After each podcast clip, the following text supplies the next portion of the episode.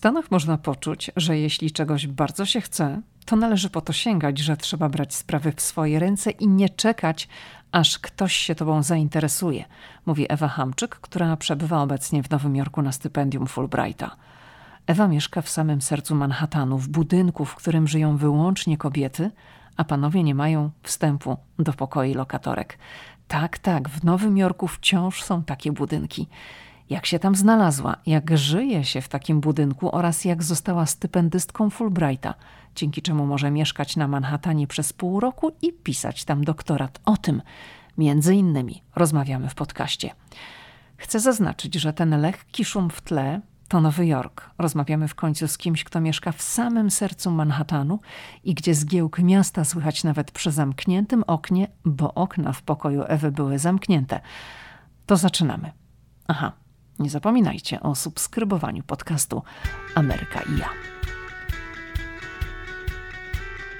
Hej, tu Lidia Krawczuk, dziewczyna ze Szczecina, która wylądowała w Waszyngtonie. Ameryka mnie fascynuje, żyję w niej od ponad dekady i cały czas ją odkrywam. Podróż do Stanów Zjednoczonych była zawsze moim marzeniem. Nie sądziłam jednak, że w Ameryce kiedyś zamieszkam. Jeśli Ciebie, tak jak mnie, ciekawią Stany i chcesz wiedzieć o nich więcej, to jesteś we właściwym miejscu. Opowiadam tu o Ameryce, o życiu w Stanach i o tym wszystkim, co odkrywam podczas mojej amerykańskiej przygody. Zapraszam na podcast Ameryka i ja. Zaczynamy.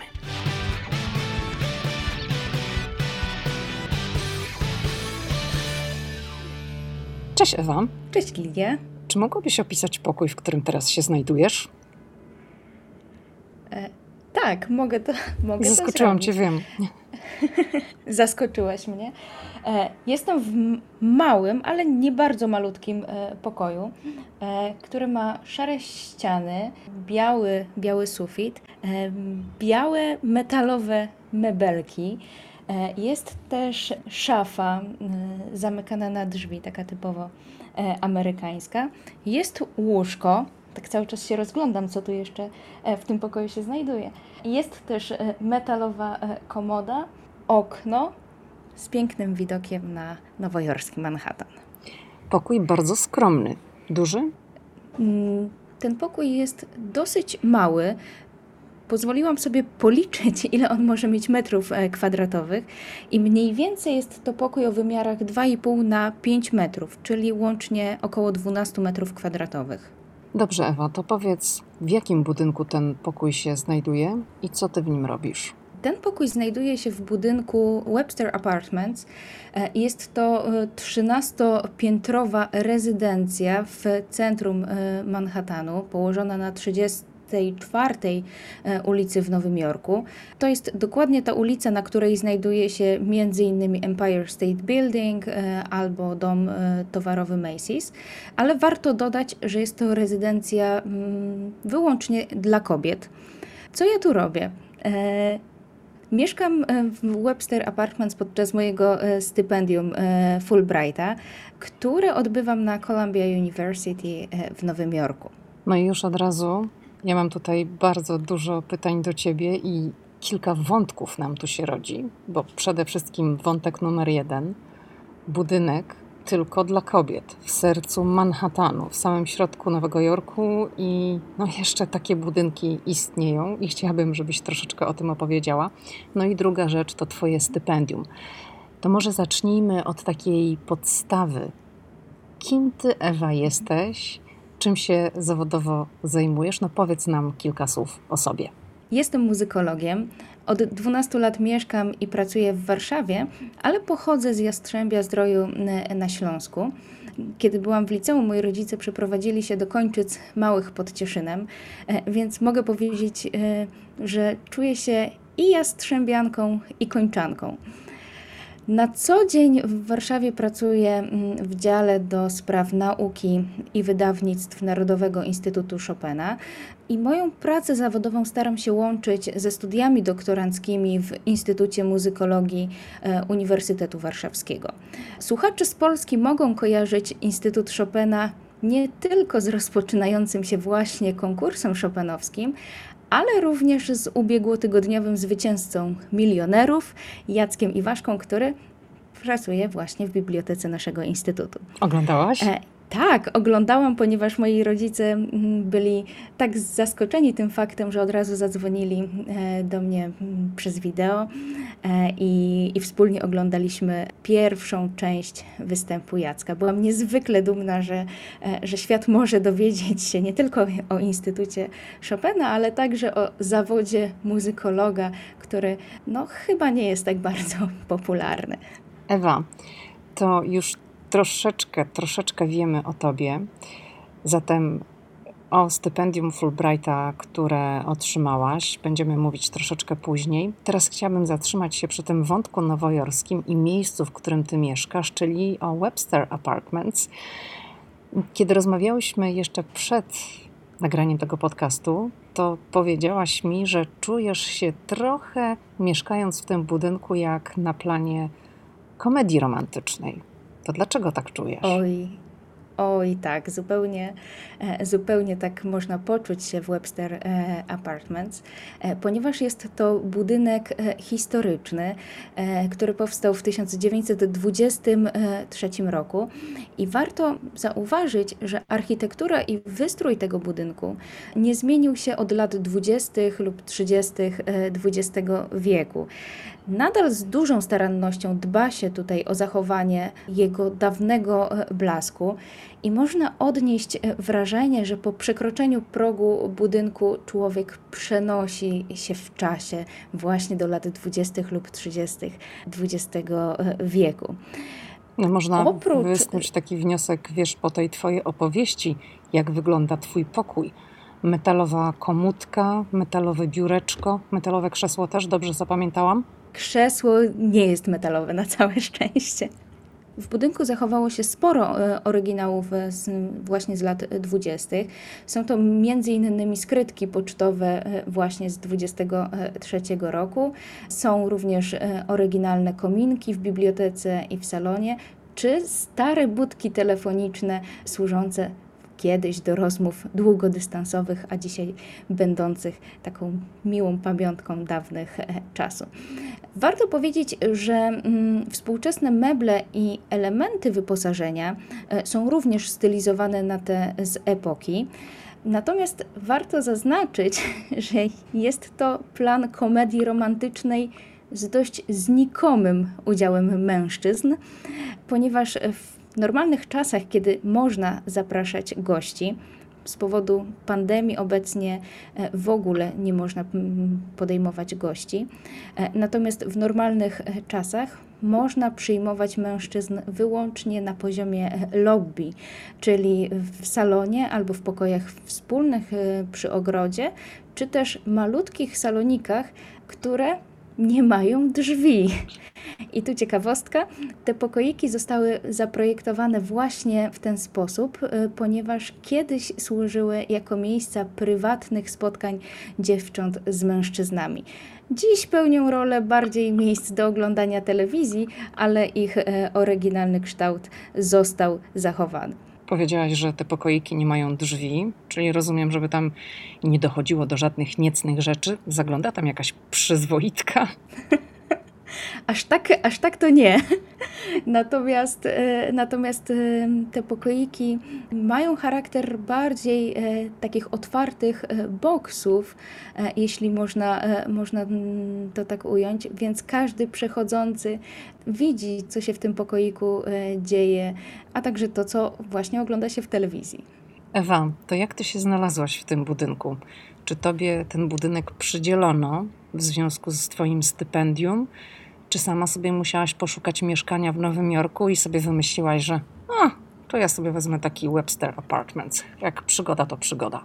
Stypendyści Fulbrighta sami muszą zadbać e, o zakwaterowanie podczas pobytu na, sty, na stypendium. I moi starsi koledzy doradzali, żeby na pierwsze tygodnie zarezerwować sobie pokój czy też mieszkanie przez Airbnb, a potem szukać mieszkania na miejscu.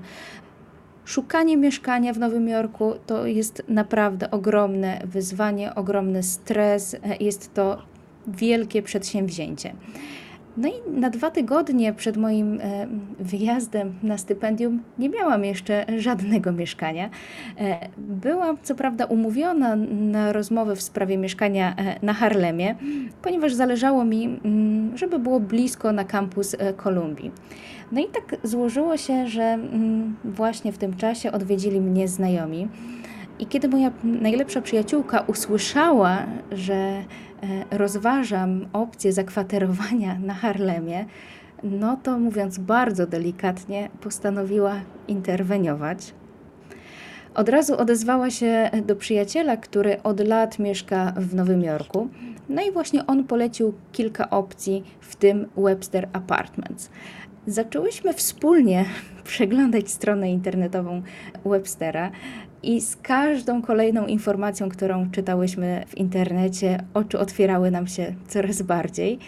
No i cóż, stwierdziłam, że dlaczego nie? Zaaplikuję. Przynajmniej na pierwszy miesiąc mojego pobytu.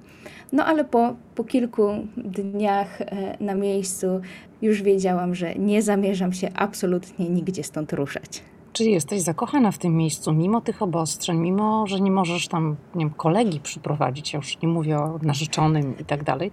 Są czasy też pandemii, jest inna sytuacja, to to podoba Ci się, że jest tylko damskie towarzystwo i jak rozumiem, tam, są, tam jest określony regulamin. Cisza nocna jest o której? To dobre pytanie, Lidia. Może nie ma, tak? Na pewno pewnych godzinach zaczyna się tu po prostu cicho, ale mam wrażenie, że, mm, że na piętrach, gdzie znajdują się pokoje, e, w ciągu całego dnia jest e, bardzo cicho, ponieważ dużą część dnia mm, spędza się w częściach wspólnych. Więc w moim przypadku, mm, nawet kiedy zaczyna się e, ten czas potencjalnej ciszy nocnej, no to ja z reguły y, przesiaduję w bibliotece, która znajduje się na dole, więc trudno mi powiedzieć, czy w zasadzie ta cisza nocna jest na na pewno w jakimś regulaminie jest taka informacja, ale nie miałam okazji, żeby jakoś bardzo doświadczyć. Rozumiem, tych, że nikt tam nie łamie tej ciszy, że jest spokój, tak jak powiedziałaś, i nie było tak. potrzeby tego sprawdzać. A powiedz, czy ten budynek dostarczył ci jakichś nowych znajomości? Kto tam w ogóle mieszka w tej chwili? Czy to są takie osoby jak ty, które przyjechały do Nowego Jorku no właśnie na stypendium, czy w jakimś konkretnym celu na jakiś tam okres czasu? Czy są tam osoby, tak zwani, no może nieregularni nowojorczycy, ale tacy, którzy zamierzają pobyć w mieście trochę dłużej? Obecnie w Webster Apartments e, mieszkają bardzo różne osoby. E, generalnie mm, jest to budynek przeznaczony dla kobiet studiujących albo odbywających staż lub praktyki, czy też zaczynających e, swoją przygodę z pracą zawodową. Oprócz tego mm, są też, e, tak jak wspomniałaś, e, osoby przyjeżdżające na różne stypendia e, czy też krótkie pobyty, ale są też osoby, które znalazły się w trudnej sytuacji życiowej i nie mogą sobie pozwolić na, na samodzielne mieszkanie. Więc towarzystwo jest dość zróżnicowane, aczkolwiek w dużej mierze to są jednak młode osoby, które studiują albo zaczynają pracę zawodową.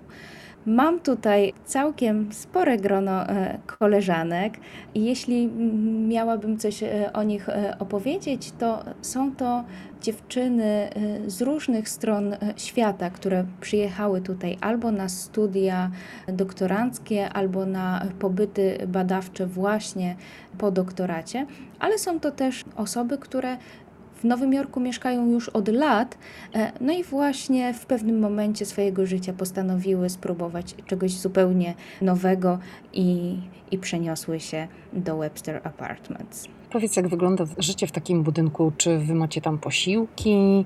Ja czytam, że tam jest coś takiego jak housekeeping, czyli ktoś wam sprząta, czy to już jest nieaktualne? Niestety w, w czasie pandemii housekeeping jest zawieszony, ale w normalnych czasach jest to opcja jak najbardziej dostępna. Jeśli chodzi o posiłki, to tak, e, mamy posiłki. W Webster Apartments serwowane są trzy posiłki w ciągu dnia: śniadanie, lunch e, i kolacja. Przy czym w cenie zawarte są e, dwa. Jeśli ma się ochotę na trzeci, to oczywiście można, można z niego skorzystać. Wówczas opłata za ten posiłek jest doliczana do, do rachunku na koniec miesiąca. Ale przyznam, że mm, zupełnie w tych dwóch posiłkach można sobie spokojnie zagospodarować zagospodarować jedzenie na cały dzień. E, o, słyszymy Nowy Jork Te posił... Jakiś klakson tam się pojawił. Cały czas. Te posiłki są bardzo zróżnicowane i można pokusić się o stwierdzenie, że jak na Stany Zjednoczone, to są one zdrowe lub nawet bardzo zdrowe. E, oczywiście jest opcja mięsna i wegetariańska. Można też zjeść albo na miejscu w jadalni, albo wziąć e, posiłek e, na wynos. No i może podam przykład, jak, e, jak wyglądają te, te posiłki. Mhm jeśli chodzi o, o ilość e, jedzenia. Dla przykładu, na lunch e, i kolację otrzymujemy danie główne, w którego skład wchodzi e, mięso lub jakiś wegetariański odpowiednik, warzywa, no i jakieś węglowodany. Do tego można dostać zupę, sałatkę zapakowaną na wynos, no i też owoc albo deser. Jest tego całkiem sporo i wybierając w ciągu dnia lunch i kolację, naprawdę na, na bycie głodnym nie można tutaj e, narzekać. Nie ma tutaj kuchni e, na piętrach, e, nie możemy gotować sobie same.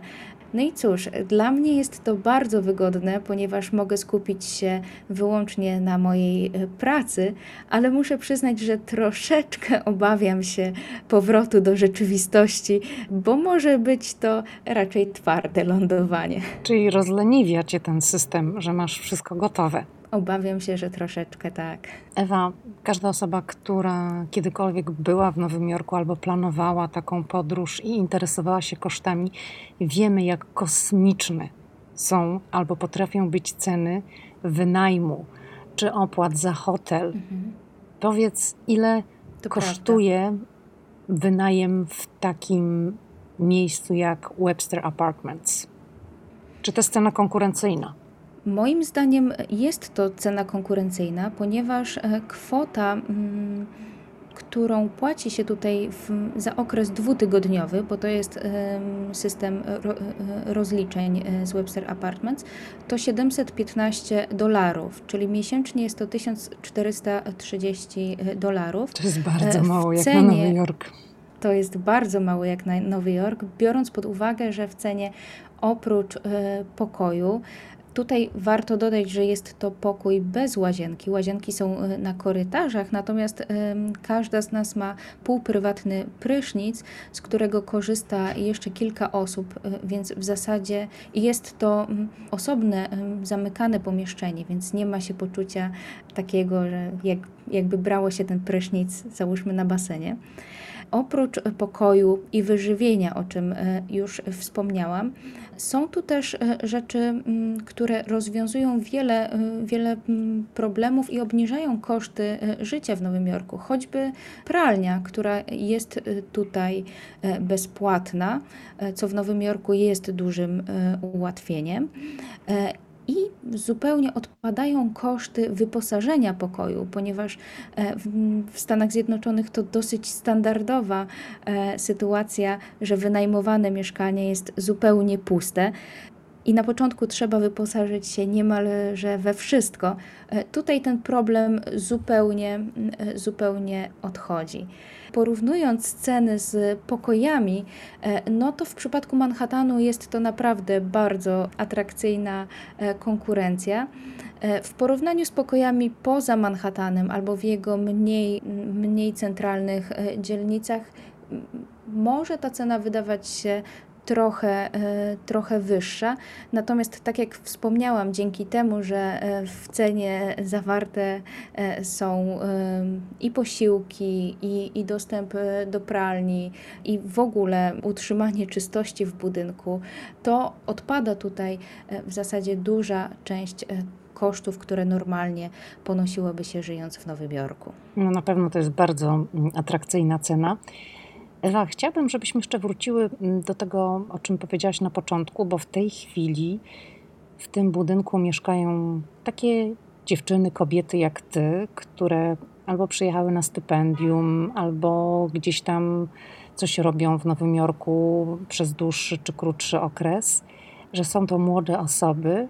Jest to w tej chwili ściśle taki jednak komercyjny projekt, tak? Rozumiem, że jest jakaś aplikacja, bo mówiłaś, że musiałaś wysłać aplikację i, i ją zaaprobowano.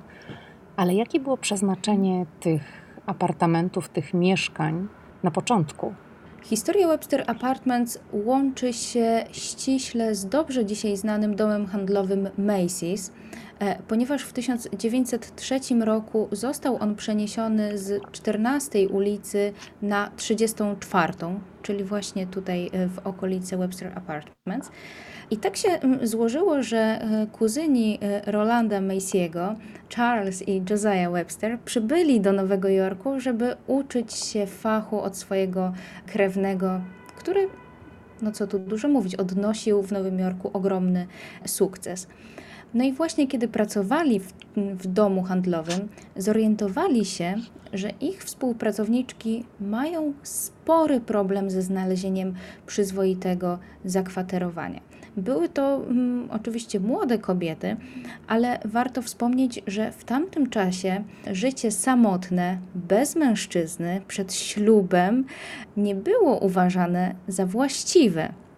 Więc e, Charles Webster bardzo przejął się e, sytuacją tych kobiet. Po śmierci zostawił spory majątek swojemu bratu, właśnie z zamiarem stworzenia domu dla pracujących kobiet. W testamencie szczegółowo określił cel tej e, rezydencji. Miała ona zapewnić pracującym kobietom pokój, wyżywienie i moralne otoczenie w bliskiej odległości mm, od domu handlowego Macy's. A to wszystko oczywiście w przyzwoitej e, cenie. Tak się złożyło, że Josiah dopełnił e, woli brata i założył właśnie ten budynek, który został otwarty w 1923 roku i od tego czasu pozostaje e, w tym, w tym samym miejscu w możliwie niezmienionym kształcie. Misja Webster Apartments również pozostała niezmieniona, z tym, że, tak jak już wspomniałam, z czasem nie ograniczano się wyłącznie do kobiet pracujących tylko w Macy's. Warto też wspomnieć, e, że w przeciwieństwie do wielu podobnych e, rezydencji, Webster Apartments nie ma e, żadnego powiązania i charakteru religijnego, co w Nowym Jorku jest dosyć Mm, szczególnym ewenementem, więc jeśli ktoś obawia się, że te wszystkie e, obostrzenia i regulaminy są spowodowane pobudkami religijnymi, to należy te obawy zupełnie porzucić. Zdajesz sobie sprawę z tego, Ewa, że teraz jak rozmawiamy i mówimy o Webster Apartments, wszyscy, może nie wszyscy, ale część słuchaczy z pewnością googluje już sobie zapisuje tę nazwę. Dobrze, a powiedz, bo to jest blisko Macy's, tego flagowego sklepu, tam jest taki napis, że to jest największy dom towarowy na świecie, prawda? Tak, tak. Często tam wpadasz na zakupy albo może na takie, wiesz, żeby zobaczyć, co tam ciekawego jest? Zdarza mi się dosyć często, jeśli nie na zakupy, to właśnie, e, żeby, żeby doświadczyć wizyty w Macy's, e, ponieważ on chyba podobnie jak e, Webster, e, zachował ten swój e, dawny blask i charakter. I mimo wielu uwspółcześnień można zobaczyć tam choćby drewniane schody ruchome, które są niemałą atrakcją. Więc dla samego experience'u bardzo często tam się wybieram. Mam takie poczucie, że jednak gdzieś ten związek miejsca, w którym mieszkam z domem Macy's jest mi szczególnie bliski. Jak powiedziałaś o tych schodach, to od razu tak też sobie pomyślałam, zanim wypowiedziałaś te słowa, te drewniane, słynne schody ruchome. Oczywiście tam w Macy's są też takie nowoczesne, bo są też inne pary tak. schodów, ale te drewniane, one są strasznie wąskie. Tam tylko jest jedna osoba, nawet nie da się nikogo wyminąć tak naprawdę, jak się tymi schodami jedzie, ale fakt, one mają tak. taki swój urok.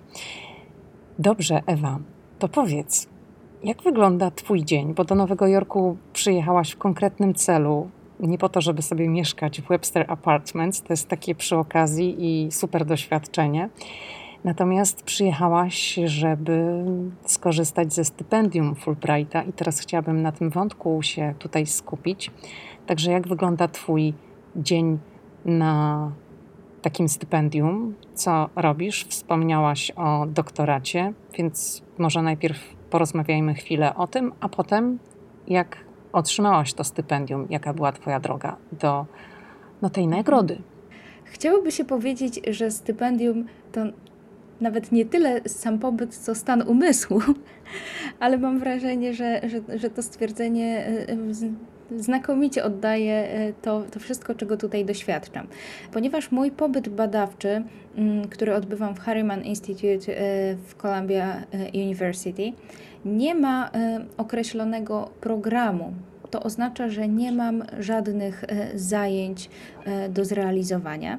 I moim głównym zadaniem podczas stypendium jest tak naprawdę pisanie mojej rozprawy doktorskiej, czytanie i gromadzenie nowej literatury przedmiotu.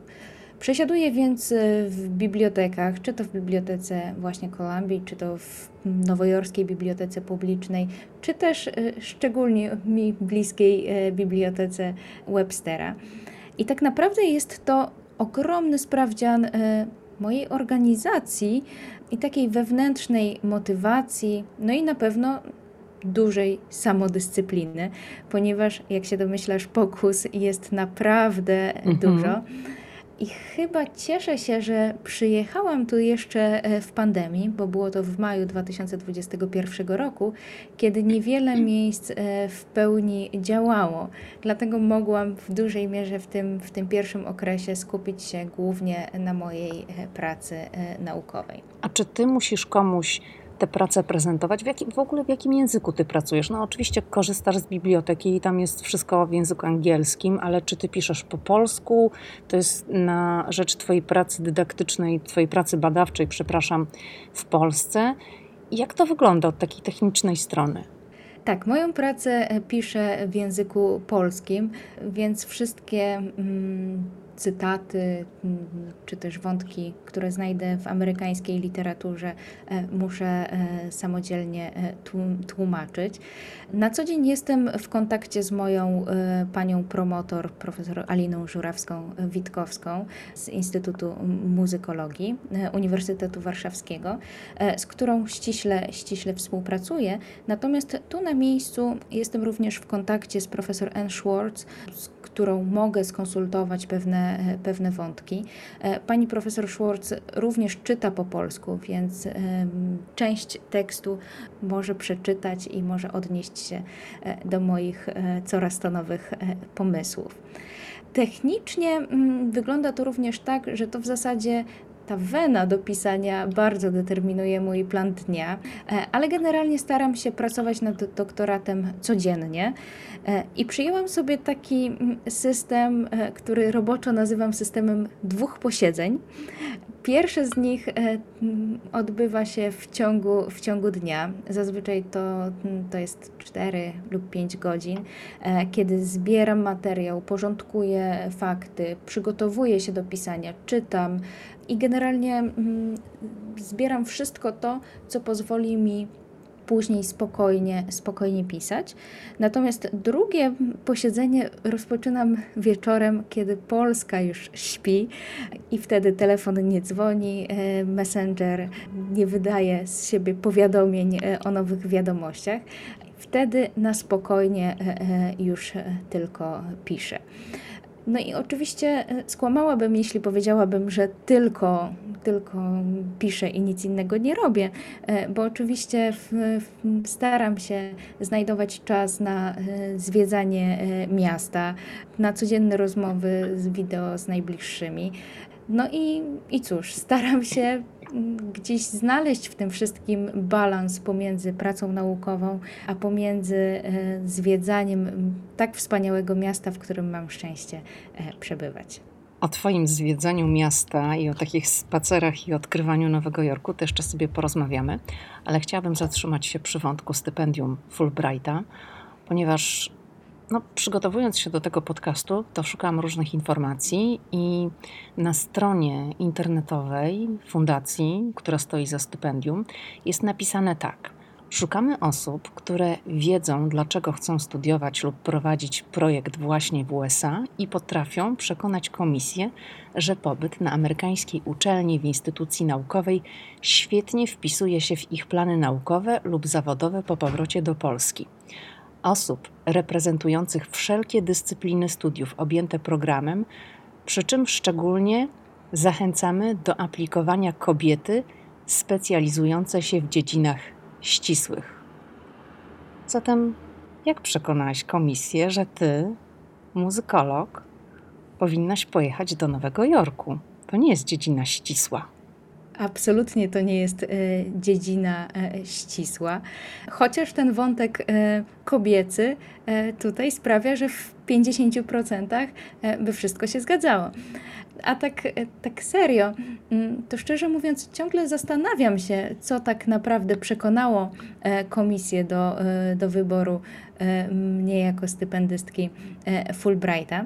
I tutaj warto zaznaczyć, że Fulbright stawia na dużą różnorodność e, swoich e, stypendystów e, i mimo tej informacji nie ogranicza się do, do przedstawicieli nauk ścisłych. To ważna informacja, wydaje mi się, w, w przypadku osób, które zajmują się mniej ścisłymi naukami i które być może nawet myślały o stypendium Fulbrighta, ale właśnie zrezygnowały z aplikacji, obawiając się E, tego ścisłego e, profilu e, stypendium. Zupełnie nie należy się tego obawiać i trzeba jak najbardziej próbować. Mój projekt badawczy, moja praca doktorska nie ma żadnego związku ze Stanami Zjednoczonymi. I tu warto powiedzieć zatem, czym się zajmuję. Otóż tematem mojej pracy doktorskiej e, jest e, skrzypek wirtuos XIX-wieczny e, Apolinary Kącki, który był jednym z uczniów Niccolo Paganiniego. Zaczynał swą karierę jako cudowne dziecko i następnie jeździł, koncertował po całej Europie. Z czasem też e, został e, skrzypkiem solistą na dworze carskim e, w Petersburgu, a potem w latach 60. XIX wieku w Warszawie, w budynku, gdzie dzisiaj znajduje się Muzeum Chopina, założył Instytut Muzyczny Warszawski, dając tym samym początek i wskrzeszając uczelnię, która dziś funkcjonuje jako Uniwersytet Muzyczny Fryderyka Chopina.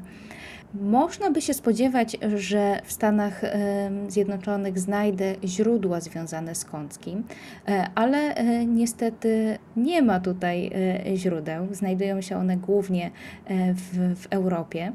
To Natomiast dlaczego ty jesteś w jest... Stanach? I robisz ten doktorat? Jest tutaj ogromna literatura przedmiotu dotycząca i muzyki skrzypcowej, i kultury XIX-wiecznej dotycząca e, również funkcjonowania wirtuozów e, w przestrzeni e, społecznej, w przestrzeni miejskiej. Więc jest to ogromna literatura, do której nie miałabym dostępu w Polsce, a myślę, że nawet w, w, dużej części Europy. Zapoznanie się z tą literaturą było dla mojej pracy niesamowicie wzbogacające i myślę, że nie miałaby ona takiego kształtu, jaki ma obecnie, gdybym nie mogła zapoznać się z tą e, literaturą przedmiotu. Oprócz e, tej literatury, mam tutaj również okazję do współpracy i kontaktu ze wspomnianą profesor N. Schwartz, która zajmuje się muzyką polską i rosyjską XIX wieku. No i właśnie to jej spojrzenie na moje badania i kontakt z kimś, kto patrzy na naszą europejską kulturę z zupełnie innego punktu widzenia i tradycji, i zupełnie innej tradycji naukowej, było dla mnie niezwykle cenne. Oczywiście byłam z komisją bardzo szczera, nie udawałam, że mam tu źródła, nie naginałam e, rzeczywistości i wydaje mi się, że być może to był ten klucz do sukcesu to jak wyglądał cały proces aplikacji, to może tak krótko powiedz, bo myślę, że znajdą się tutaj osoby, słuchacze, którym gdzieś tam zapali się taka lampka, może stypendium Fulbrighta jest dla mnie, może ja też spróbuję.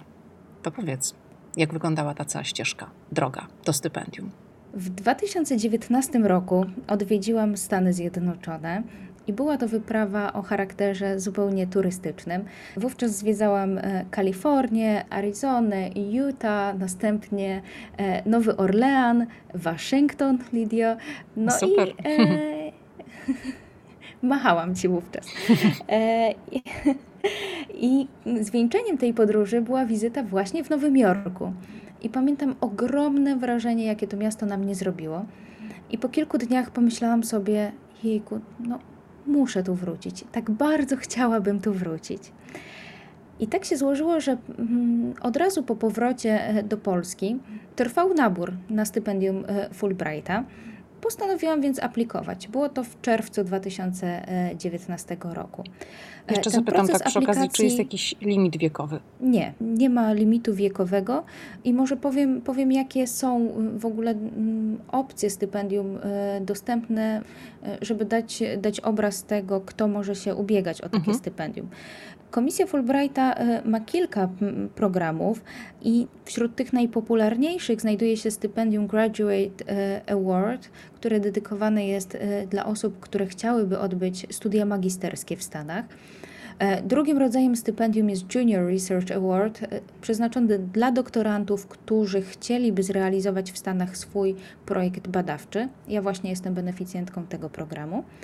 I kolejnym rodzajem stypendium e, jest Senior Research Award, przeznaczona dla badaczy posiadających przynajmniej stopień doktora.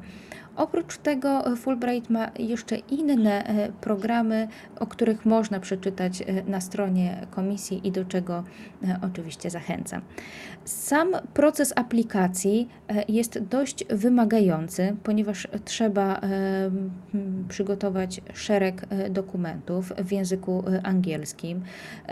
Jest to oczywiście między innymi opis projektu, swój życiorys, uzasadnienie tego, dla czego akurat e, w tym miejscu e, chce się znaleźć.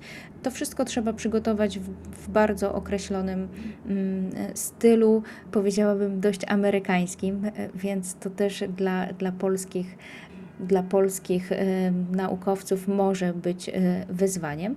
Trzeba również mieć rekomendacje, jeśli dobrze pamiętam, to od trzech osób i pewnie jest jeszcze kilka, e, kilka wymagań, o których już teraz słabiej pamiętam, ale można te informacje sprawdzić na stronie Fulbrighta. Tak jak powiedziałam, aplikacja nastąpiła w czerwcu 2019 roku, zaś we wrześniu dostałam informację o zakwalifikowaniu się do drugiego etapu. I ten drugi etap, e, czyli rozmowy e, w siedzibie komisji w obecności szefowej komisji, e, osoby z ambasady Stanów Zjednoczonych, absolwenta programu i specjalisty w dziedzinie odbywały się w październiku, czyli miesiąc później. I muszę przyznać, że ja z tej rozmowy nie pamiętam absolutnie niczego. To był tak ogromny stres i chyba denerwowałam się bardziej niż czymkolwiek e, wcześniej. E, miesiąc później, czyli w listopadzie 2019 roku, przyszły wyniki, i w moim przypadku e, była to lista rezerwowa. Nie dostałam stypendium od razu, i wówczas dla mnie było to jednoznaczne z niedostaniem stypendium. po, po tym, jak już mniej się, mniej się smuciłam tym faktem, e, aplikowałam też o stypendium badawcze w Wiedniu, e, kupiłam mieszkanie, więc podjęłam różne kroki, które wskazywałyby na to, że nie zamierzam wyjeżdżać na długo z Warszawy. No i tak się stało, że w lutym 2020 roku przyszła decyzja, że jednak dostałam stypendium. Natomiast dzień później dowiedziałam się, że otrzymałam również stypendium badawcze w Wiedniu, e, więc nagle tego szczęścia było naprawdę sporo. Od y, lutego 2020 roku do rozpoczęcia mojego stypendium w maju 2021 roku minęło naprawdę sporo czasu, ale tutaj y, oczywiście wpływ na to miała y, pandemia, ponieważ y, mój grant był jeśli dobrze pamiętam, to dwukrotnie e, przesuwany e, właśnie z uwagi na trwającą pandemię i też e, z uwagi na to, bym mogła tutaj na miejscu jak najbardziej skorzystać z tego pobytu, żebym nie była ograniczona tylko do siedzenia w jednym, w jednym miejscu i, i żebym mogła swobodnie skorzystać z, z uroków pobytu na Kolumbii. Ewa, chciałam zapytać Cię o taki techniczny szczegół, bo powiedziałaś, że to jest grant czyli rozumiem, że dostajesz określoną sumę pieniędzy i w ramach tej sumy masz przeżyć w Nowym Jorku godnie. czy musisz rozliczać się z wydatków, czy po prostu dostajesz tę określoną sumę gwarantowaną w grancie i, i robisz z tym, co chcesz? To po kolei. I może powiedzmy, suma... jaka to jest suma, jeżeli możesz powiedzieć. Suma e, łączna stypendium jest zależna od, e, od programu. I może powiem, jak to wygląda w przypadku tych dwóch najpopularniejszych, czyli przy, e, w przypadku Graduate Award, które myślę, że może zainteresować słuchaczy, no i tego mojego Junior Research Award. W przypadku stypendium na studia magisterskie, czyli Graduate, jest to suma maksymalna wynosząca 47 tysięcy dolarów rocznie. W tym stypendium gwarantowane e, jest finansowanie na pierwszy rok studiów, przy czym w przypadku wysokich wyników e, w nauce można ubiegać się o jego przedłużenie na drugi e, rok. I bardzo dużo osób to przedłużenie otrzymuje. W ramach tej kwoty otrzymuje się miesięczne stypendium, którego wysokość zależna jest od miasta, e, w którym się przebywa. Otrzymuje się też fundusz e, na podróż, jednorazowy fundusz na zakwaterowanie i jednorazowy fundusz e, na pomoce naukowe. Pozostałe środki w ramach kwoty rocznego stypendium przeznaczane są na czesne. Co to oznacza? Oznacza to, że jeśli szkoła nie ma bardzo wysokiego czesnego, to można zmieścić się w kwocie stypendium lub niewiele dopłacić z własnej kieszeni. No ale w przypadku drogich uniwersytetów, a tych w Stanach, szczególnie w Nowym Jorku, nie brakuje, ta opłata jest rzeczywiście dość wysoka, e, dlatego trzeba liczyć się z wyższymi kosztami z własnych e, środków. Mimo to mm, wielu moich kolegów mm, przebywających na tym e, rodzaju stypendium uważa, że jest to ogromna e, pomoc dla podejmujących studia magisterskie e, w Stanach. I, i, rzeczywiście jest z tego stypendium zadowolone. Przy czym warto dodać, że samo stypendium, samo otrzymanie stypendium nie gwarantuje miejsca na uczelni. O to trzeba postarać się samodzielnie. W przypadku Junior Research Award, czyli mojego stypendium, sytuacja jest nieco inna, ponieważ obejmuje ono miesięczne stypendium, którego wysokość, tak jak powiedziałam, zależna jest e, od miasta. Obejmuje ono również pokrycie kosztów e, wizy J1. Ponadto zawiera się w nim fundusz na podróż, fundusz na zakwaterowanie oraz miesięczny dodatek e, na pomoce e, naukowe. Jeśli chodzi o opłatę za szkołę, to jest ona pokrywana w przypadku, jeżeli uczelnia tego wymaga. U mnie miała ona wynosić około 2000 e, dolarów jednorazowo za cały pobyt badawczy, ale na miejscu okazało się, że ku mojemu dużemu zaskoczeniu mogę ten pobyt odbyć zupełnie e, bezpłatnie. W praktyce wygląda mm, to tak, że nie dostajemy tego stypendium e, co miesiąc, tak jak e, regularną pensję, tylko wypłacane jest ono w kilku ratach. Oznacza to, że naprawdę trzeba, trzeba się bardzo pilnować ze swoimi wydatkami. Można również zaprzyjaźnić e, się z Excelem, żeby rzeczywiście do tej kolejnej, kolejnej transzy móc na spokojnie e, e, się utrzymać. To Ewa, czy możesz powiedzieć, jakiego rzędu to jest kwota, czy nie możesz? Jeżeli nie możesz, to rozumiem, ale jeżeli możesz, to powiedz. Te kwoty są y, dostępne na stronie y, Komisji Fulbrighta i też dostępne są w przypadku, jeśli zada się y, pytanie koordynatorom danych projektów. Dlatego myślę, że mogę, mogę powiedzieć, jak to wygląda w moim przypadku.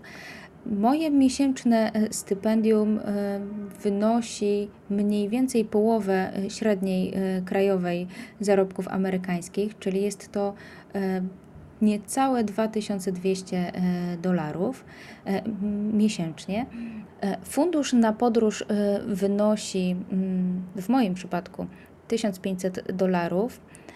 Ten fundusz na, na pokrycie mm, zakwaterowania, czyli na przeprowadzkę i zagospodarowaniem, to kwota rzędu 1300 dolarów. Natomiast miesięczna mm, miesięczny fundusz na mm, konferencje, badania i pomocy naukowe wynosi 300 y, y, dolarów. Zapytasz pewnie, Lidio, czy, czy jest to dużo, y, czy, czy niedużo, czy można się utrzymać to znaczy, w Nowym no ja Jorku? Myślę, że to słuchaczy bardziej interesuje, bo ja, bo ja wiem, jakie są stawki w Nowym Jorku. Płacisz mało za zakwaterowanie. Jak na Nowy Jork to tak. jest bardzo mało. To nie są jakieś wielkie sumy, o których mówisz, na amerykańskie warunki. Natomiast no myślę, że spokojnie możesz sobie dać radę przy rozsądnym gospodarowaniu tym budżetem, co w Nowym Jorku nie jest łatwe, bo w Nowym Jorku łatwo ten rozsądek skupić po prostu. Oj tak, e, rzeczywiście jest dokładnie tak, jak e, powiedziałaś.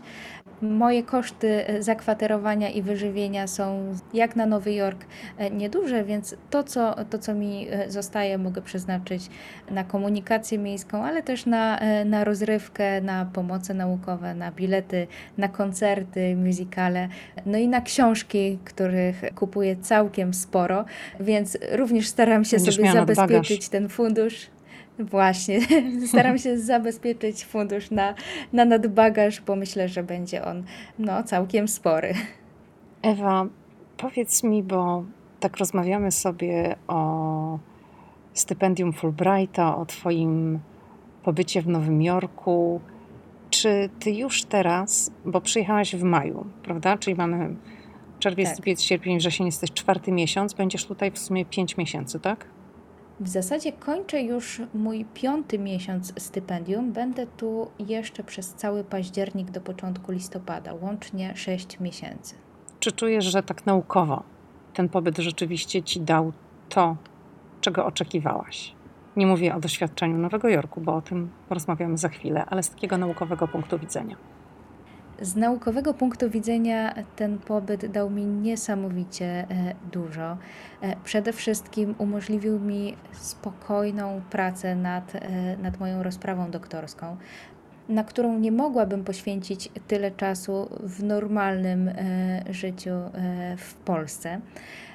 Umożliwił mi też naprawdę duże poszerzenie e, horyzontów e, naukowych, zdobycie tej innej perspektywy e, badawczej na, na zagadnienie, którym się zajmuję, ale też dał mi poczucie i doświadczenie prowadzenia badań poczucie komfortu pracy e, w jednej z najlepiej wyposażonych e, bibliotek e, amerykańskiej uczelni.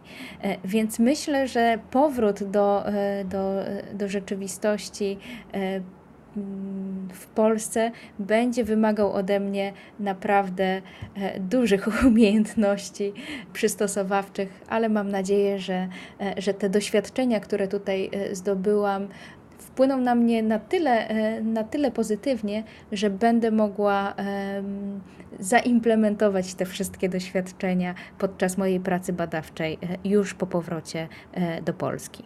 To porozmawiajmy teraz o aspekcie Twojego życia w Nowym Jorku po godzinach. Mówię po godzinach od pisania doktoratu. Co robisz i w jaki sposób doświadczasz miasta?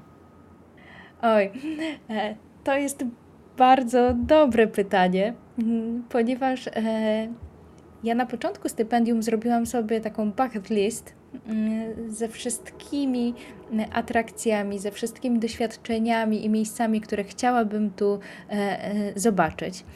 No i kiedy przyjechałam w maju, no to nie wszystko było e, jeszcze otwarte, więc w zasadzie początkowo zwiedzałam miasto poprzez zwiedzanie kolejnych dzielnic Nowego Jorku, ale też starałam się odwiedzać bardziej i mniej znane miejsca. Włóczyłam się po mieście i chłonęłam e, atmosferę Nowego Jorku.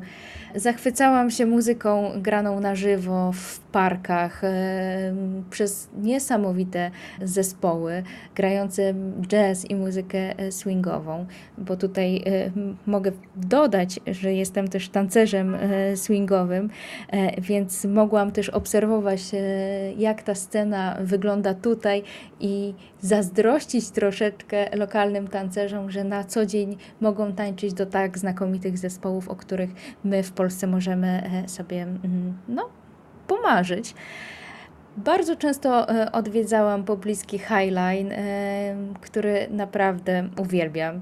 E, dla sportu też, dla sportu w cudzysłowie, odwiedzałam też Times Square i obserwowałam, jak wygląda to miejsce w różne dni tygodnia i o różnych porach dnia. A już czujesz się trochę jak taki lokas i na Times Square to ja już nie chodzę, to jest dla turystów. Mm, już się tak czuję. dlatego, dlatego to robiłam w pierwszych miesiącach po mojego pobytu. Teraz raczej Times Square staram się e, unikać, natomiast jeżeli jest po drodze, bo jest on w bardzo bliskim sąsiedztwie, to jest mhm. kwestia 10 minut y, spacerem, y, więc no, nierzadko nie da się po prostu uniknąć Times Square, ale, ale zdarza, zdarza mi się przechodzić, więc to raczej tak na zasadzie przejścia, aniżeli udanie się tam w, cel, w celu tylko zobaczenia. Latem też e, z kolei bardzo często jeździłam nad ocean i w ten sposób stałam się fanką nowojorskich promów, e, bo jest to taki e, aspekt Nowego Jorku, o którym czasami się zapomina i, i albo się no, po prostu nie można wie, sobie że, te, popatrzeć że, piękną, prawda? Oj, tak można e, popatrzeć na piękną e, panoramę, ale też zakosztować takiego uczucia bycia na wakacjach.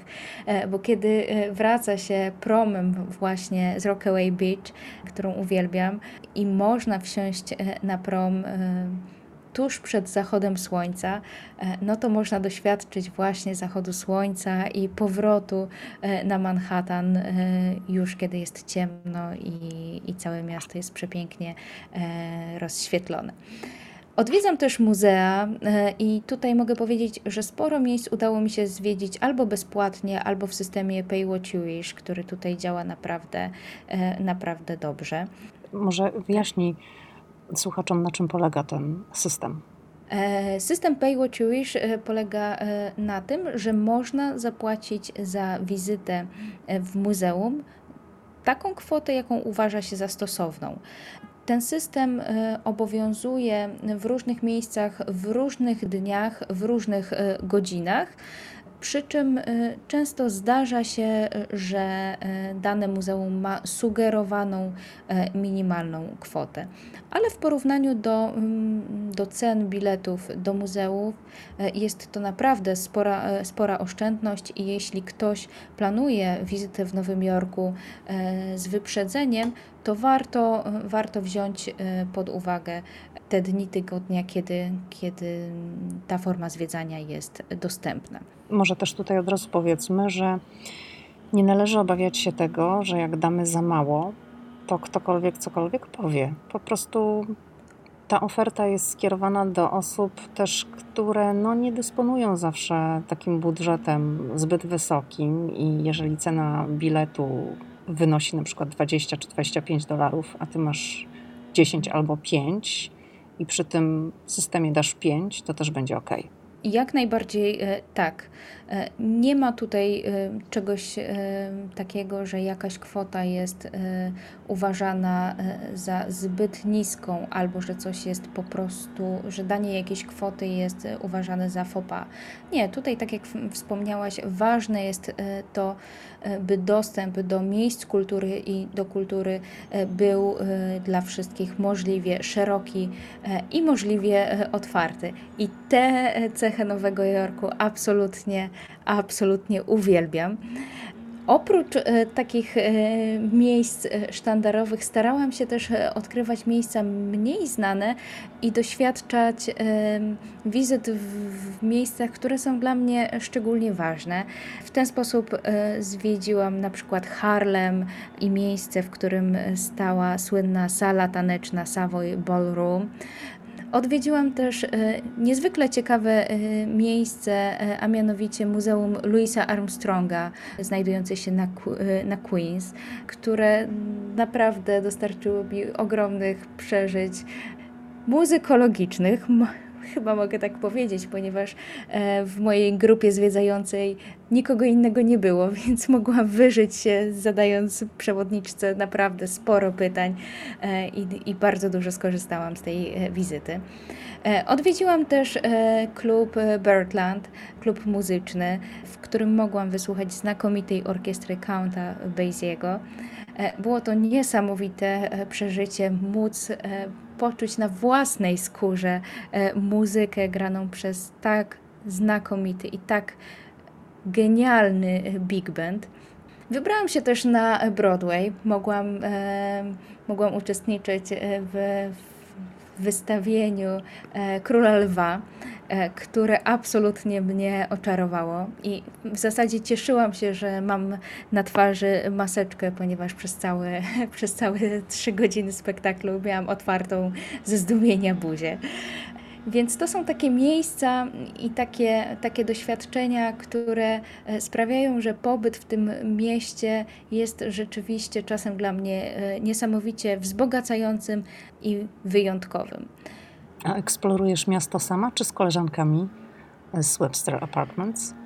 Przyznam, że lubię samotnie wypuszczać się w miasto, tak żeby móc się nawet zgubić czasami, chociaż teraz to już mi się coraz rzadziej zdarza, ale tak, żeby móc y, to miasto jak najbardziej poznać. Ale oczywiście z, zdarzają y, mi się wycieczki w gromadzie y, z koleżankami z Webster Apartments, ale też z, z koleżankami, stypendystkami Fulbrighta, czy to bywającymi, czy to mieszkającymi w Nowym Jorku, czy to przyjeżdżającymi do miasta w, w odwiedziny.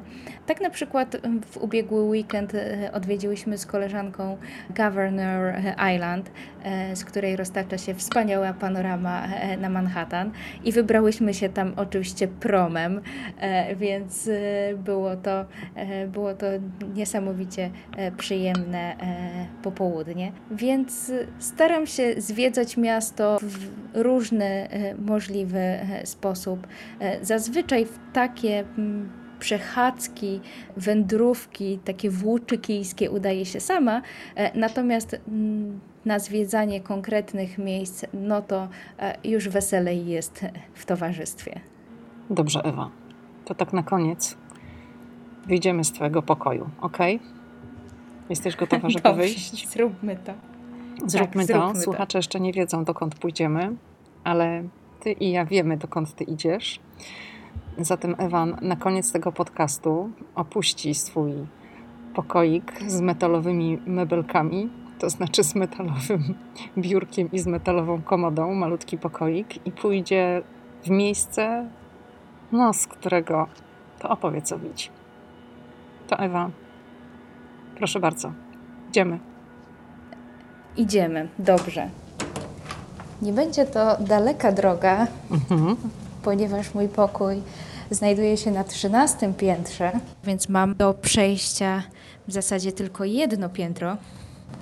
Dlatego pójdziemy schodami, co w Webster Apartments jest niezwykłą rzadkością, ponieważ Tutaj wszyscy korzystają z wind. Klatki schodowe mają charakter tylko ewakuacyjny. O, no i cóż. Słyszę, że jesteś gdzieś na zewnątrz.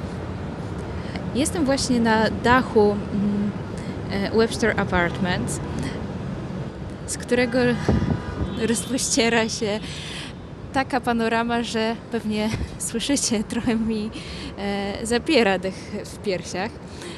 Po lewej stronie, i teraz w nią spoglądam, e, jest Empire State Building i, i piękny napis na budynku e, New Yorkera.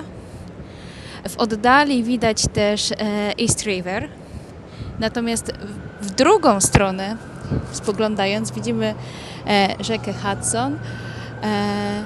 No i też dosyć dobrze znany wieżowiec The Edge. Jeszcze nie byłam na The Edge, to wciąż na mojej e, liście, ale chyba miło będzie spojrzeć na Webstera z tej, e, z tej perspektywy krawędzi e, tego wieżowca. Słyszę, jak to w Nowym Jorku. Samochody, syreny policyjne. No to jest taki klimat tego miasta. I powiem Oj, tak, tak. Ja jestem 5 godzin jazdy od Nowego Jorku, ale czuję właśnie przez to, co słyszę w słuchawkach, ten szum nowojorski, jakbym tam była razem z Tobą na tym dachu, potrafię sobie to wszystko zwizualizować i wyobrazić. Właśnie mogę powiedzieć, że teraz, e, mimo że te dźwięki, które nas otaczają, wydają się niesamowicie głośne, to i tak jest to dosyć cicho, jak na to, e, co dzieje się w tej okolicy e, po godzinie 16, więc dobrze, że nagrywamy nieco wcześniej. Czy często wchodzisz na ten dach, na rooftop? Czy Ci się znudziło trochę? Mam wrażenie, że to miejsce nigdy mi się nie znudzi i staram się odwiedzać rooftop codziennie. Może nie codziennie robię zdjęcie e, Empire State Building, bo staram się e, uchwycać go w różnych e, warunkach pogodowych, ale często zdarza mi się po prostu pracować na dachu, ponieważ oprócz takich miejsc do siedzenia są tu też po prostu leżaki, na których można e, się relaksować, albo tak jak ja, e, czasami zdarza mi się pracować w takich e, okolicznościach nowojorskiego pejzażu. Wtedy zazwyczaj zakładam słuchawki i zatapiam się w muzykę, żeby jednak nie wsłuchiwać się w te dźwięki miasta podczas pracy. Czy jak tam stoisz na tym dachu, to masz takie wrażenie, że świat leży u Twoich stóp? Nie wiem, czy mam aż tak bujną wyobraźnię, ale, ale w pewnym sensie można poczuć, e, można poczuć to, że jeśli czegoś bardzo się chce, e, to należy po to sięgać.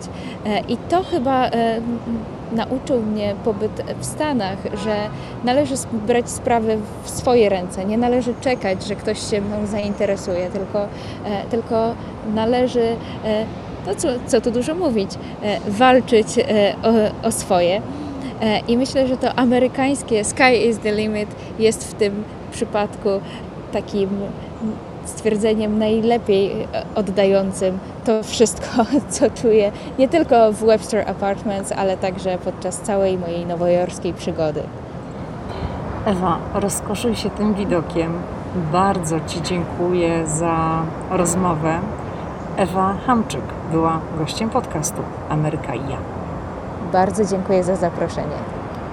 Chciałam jeszcze na koniec wytłumaczyć kwestię brzmienia dźwięku po mojej stronie, bo po stronie Ewy było wszystko bez zarzutu.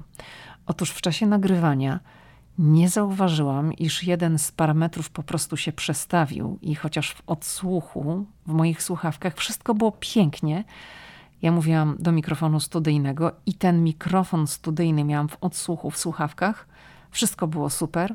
To mój głos nagrywał nie mikrofon studyjny, a mikrofon z mojego komputera. Do tego była taka, no my to mówimy w żargonie radiowym, studnia. Ale tu z kolei powiem już tak, jak się mówi w Ameryce, lesson learned, i teraz już za każdym razem będę sprawdzała 100 razy ten konkretny parametr, bo jak pokazał ten przypadek, czasem jakimś cudem system, który jest ustawiony na stałe, działa miesiącami, po prostu się przestawi i tyle. No. To tyle wyjaśnień. Słyszymy się w kolejny wtorek.